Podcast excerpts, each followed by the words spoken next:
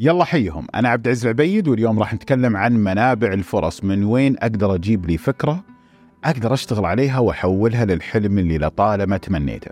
كثير من الناس لما يكون عنده المال متوفر الأفكار تروح منه. ولكن مجرد ما يروح المال تبدأ الأفكار تجي له وتنهال عليه من كل مكان، لذلك اليوم راح نحاول نعالج هذه المشكلة. إذا صار معاك المال تقدر تجيب مشروع تقدر تشتغل عليه، وراح نتكلم عن منابع الأفكار ومن وين نقدر نجيب هذه الفكرة. هذا اللي راح نتكلم فيه اليوم ونبدأ حلقتنا ونقول بسم الله. طبعا الأفكار تجي من مكانين، إما عن طريق الصدفة أو عن طريق البحث، ولما نجي على الصدفة طبعا كثير الأشياء اللي بالصدفة ممكن انك تواجهها تجيب لك تجيب لك فكرة أو تجيب لك فرصة ممكن تشتغل عليها راح أتكلم عن أكثر أربع نقاط أنا أشوف إنها مقنعة بالنسبة لي أول حاجة منتج اليوم جالس ينباع بشكل جدا ممتاز والناس جالس والناس تطلبه يعني ولكن آه أنت تعتقد إنك تقدر تطور هذا المنتج أو تقدر تطور هذه الخدمة. الأمر الثاني منتج أو قطاع متوقف عن النمو، أنت قادر إنك تسوي فيه التغيير وتطلقه إلى فيز جديد أو تطلقه إلى مرحلة جديدة. والأمر الثالث منتج مش موجود أنت قادر إنك تخلق الطلب له. سواء إنك سمعت واحد من أخوياك يقول ليش هذا المنتج مش موجود؟ أو ليش هذه الخدمة مش موجودة؟ أو ممكن بعض الأحيان تكون أنت إنك تجي تستغرب مثلا ليش هذا المنتج مش موجود؟ ليش هذه الخدمة مش موجودة؟ ليش ما أقدر أطلبها؟ الأمر الرابع الحوادث الغير متوقعة. طبعا راح أتكلم عن كل واحدة راح أعطي فيها مثال عشان تكون مفهومة بالشكل الصحيح. أول حاجة هي المنتج اللي فيه طلب عالي ولكن أنت قادر أنك تطوره. أذكر أحد القصص سمعتها كان يتكلم مخترع المبخرة الإلكترونية يقول في يوم من الأيام كنت أنا جالس شفت زوجتي تتبخر البخور العادي هذا الطبيعي اللي هو جامور فوقه بخور جلست جالسة تتبخر ولكن وهي جالسة تتبخر شعرها آه كانت حريصة وخايفة على الشعر فحسيت هنا أن ليش هذا الشيء اللي كل النساء تقريبا يستخدمونه ليش إلى الآن ما له حاجة سيف في الاستخدام؟ يعني أقصد آمن في الاستخدام على الشعر. فمن هنا وصلت له فكرة كيف أقدر إني أنا أخترع منتج جديد أو أطور هذا المنتج اللي يخلي البنت تستخدم هذه المبخرة بشكل بسيط وسلس بدون خوف على شعرها. ولكن حط في بالك نقطة. هذا الشخص طور منتج.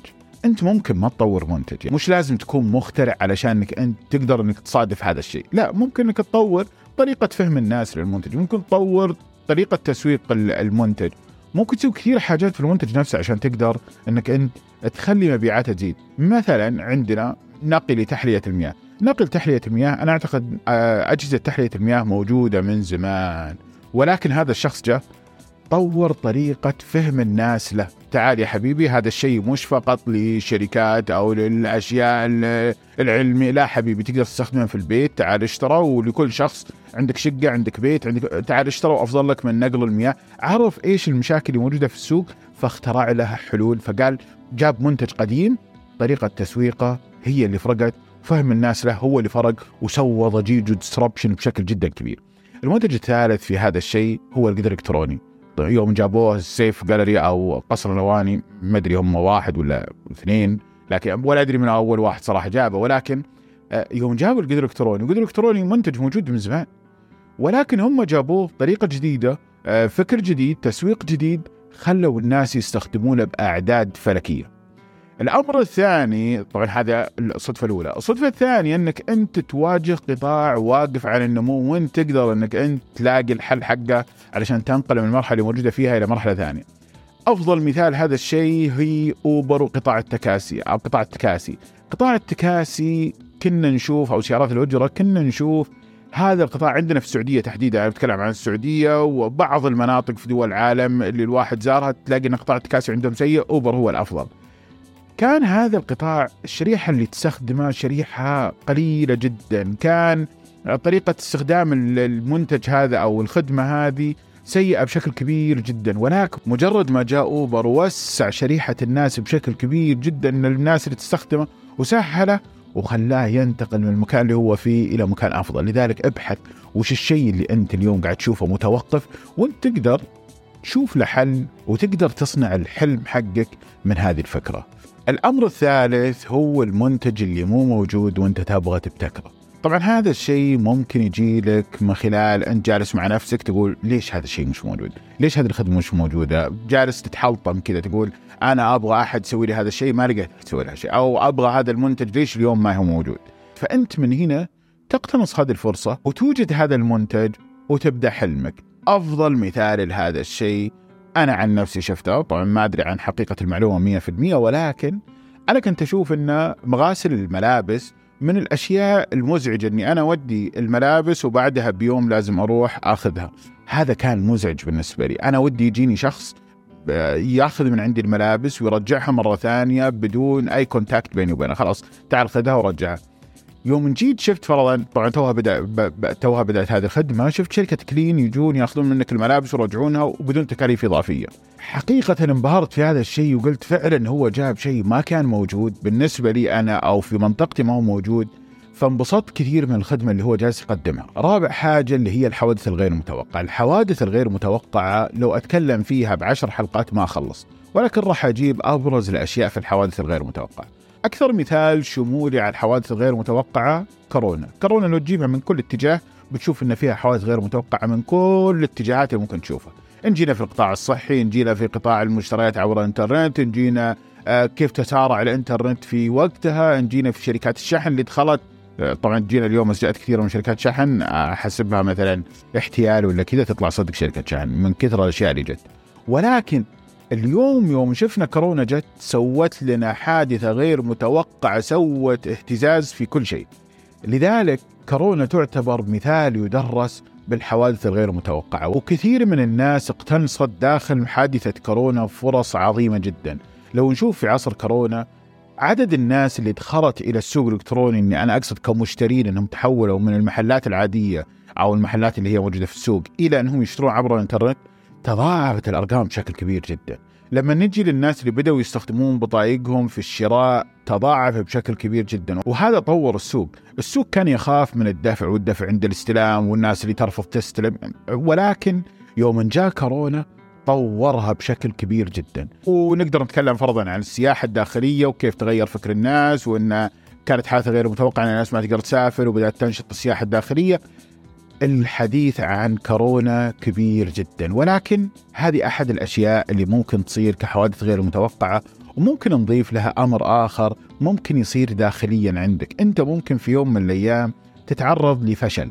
ممكن إنك أنت جالس تصنع منتج تتوقع هذا المنتج إنه ينجح ويلاقي صدى كبير جدا ومجرد ما أنك تطلق هذا المنتج يلاقي فشل كبير. ومن هذا الفشل أنت تجيب فرصة جديدة إنك أنت تخترع المنتج الأفضل. هذه حادثة غير متوقعة. ممكن في يوم من الأيام ينقطع عنك مورد معين لمنتج ولما تجي تشوف هذا المنتج واللي كنت أنت مشروعك عايش على الله ثم على هذا المورد اللي هو قاعد يصنع المنتج حقك ولكن مجرد ما ينقطع المنتج تبدأ تطلع للسوق تشوف إيش المنتجات البديلة وممكن هنا تلاقي شيء أفضل بكثير يجيب لك فرصة أكبر ويحسن حتى في منتجك. لذلك لما تصير الصدف لازم تكون جاهز إنك تقدر تقتنصها.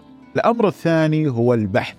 لما نجي نبحث وين نقدر نبحث؟ البحث طبعا لها أشياء كثيرة، أنا بالنسبة لي شيء مقنع، حاجتين شفتها في البحث مقنعة. الأولى التغيرات الديموغرافيه، الثانية التغيرات في المفاهيم. التغيرات الديموغرافيه أحد أفضل الأشياء اللي نقدر إحنا نشوفها اليوم الرياض. التغيرات الديموغرافيه عدد السكان قاعد يتغير، بنات أكثر، شباب أكثر، متزوجين أكثر، شيبان، أطفال أكثر. بدأ صار عندنا تغير ديموغرافي ومن خلال هذا التغيرات الديموغرافية والتغيرات في عدد السكان وربات المنزل والموظفين وهذه الأشياء قاعد تخلق حاجة جديدة وقاعد تخلق طلب في السوق لأشياء كثيرة.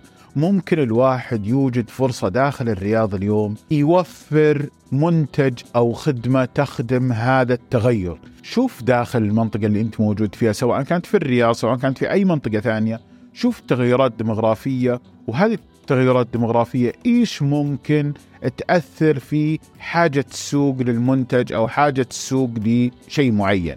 أنا أذكر قصة حلوة، أذكر في يوم من الأيام قرأت قصة عن اليابان وكيف طورت المصانع المؤتمتة أو الأوتوميتد أو المصانع الأوتوماتيكية. في يوم من الأيام اللي هو في التسعينات شافوا إن عدد الأطفال داخل اليابان قل بشكل كبير جدا، العوائل اللي كانت تنتج أربعة وخمس وستة أطفال صاروا اللي يجيب طفل واللي ما يجيب أطفال. بما أن ما في أطفال من الأكيد أن بعد 20 أو 30 سنة ما راح يكون في شباب يشتغلون في المصانع. كيف حتشتغل هذه المصانع؟ مؤكد أن بعد 20 سنة بندور موظفين ما بنلاقي. فهنا اخترعوا المصانع المؤتمتة أو الأوتوماتيكية اللي قد ما يتدخل فيها العنصر البشري بشكل كبير. والأمر الثاني التغير في المفاهيم. التغير في المفاهيم حاجة بسيطة جدا.